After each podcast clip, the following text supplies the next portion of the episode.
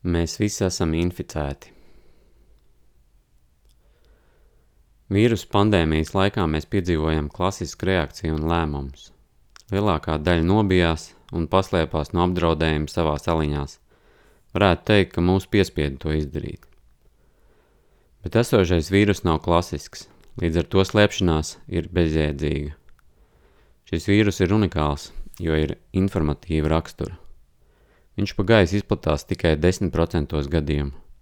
90% gadījumos mēs ar viņu inficējamies informatīvi, uzzinot par viņu.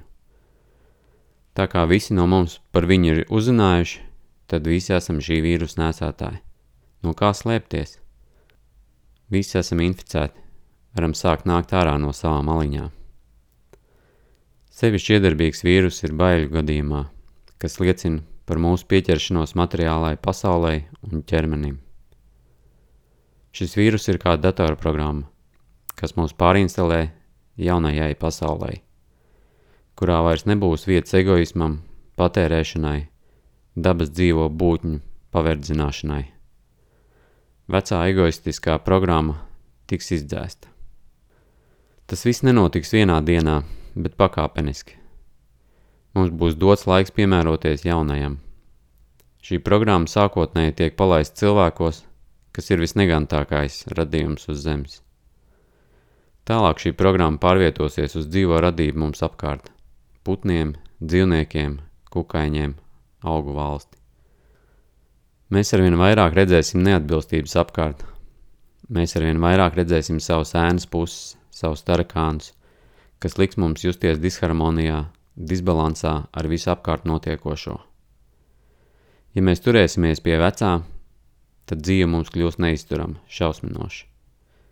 Mēs šīs šausmas redzēsim arī apkārt. Mēs redzēsim tādus pašus izmocītus, pārbijušos, iekrampējušos cilvēkus. Ar katru notiks pēc viņa ticības un pārliecības.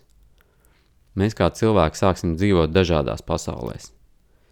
Tie, kas būs harmonijā ar dabu, tie būs harmonijā ar sevi un pārējiem, attiecīgi piedzīvojot to arī materiālajā pasaulē, sākot arvien vairāk izjust jaunās pasaules enerģijas, dzīvojot skaistu dzīvi uz zemes. Tie, kas joprojām vēlēsies būt pirmie, iegūt vairāk par visiem, paverdzinot citus vai dabu, tiem dzīve uz zemes šķitīs kā elle. Fenomenālais šajā notikumā būs tas, ka šīs abas pasaules arvien vairāk atdalīsies un pastāvēs kā divas realitātes, kas vienu otru netraucē, neietekmē. Galīgais eksāmenis būs tad, kad šis informatīvais vīrus būs veids sapli caur dzīvām būtnēm, augiem un minerāliem. Tad viņš atgriezīsies pie mums atpakaļ un galīgi palaidīs jauno programmu. Dzelži, kur nepavilks jauno programmatūru, attiecīgi tiks utilizēti.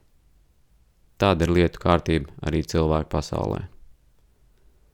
Šis ir laiks, kad mums visiem ir jādodas svētceļojumā, lai sevi pāradītu, sagatavotu sevi dzīvē jaunā sabiedrībā, kur viss balstīsies uz vienlīdzīgu līdzās pastāvēšanu un došanu.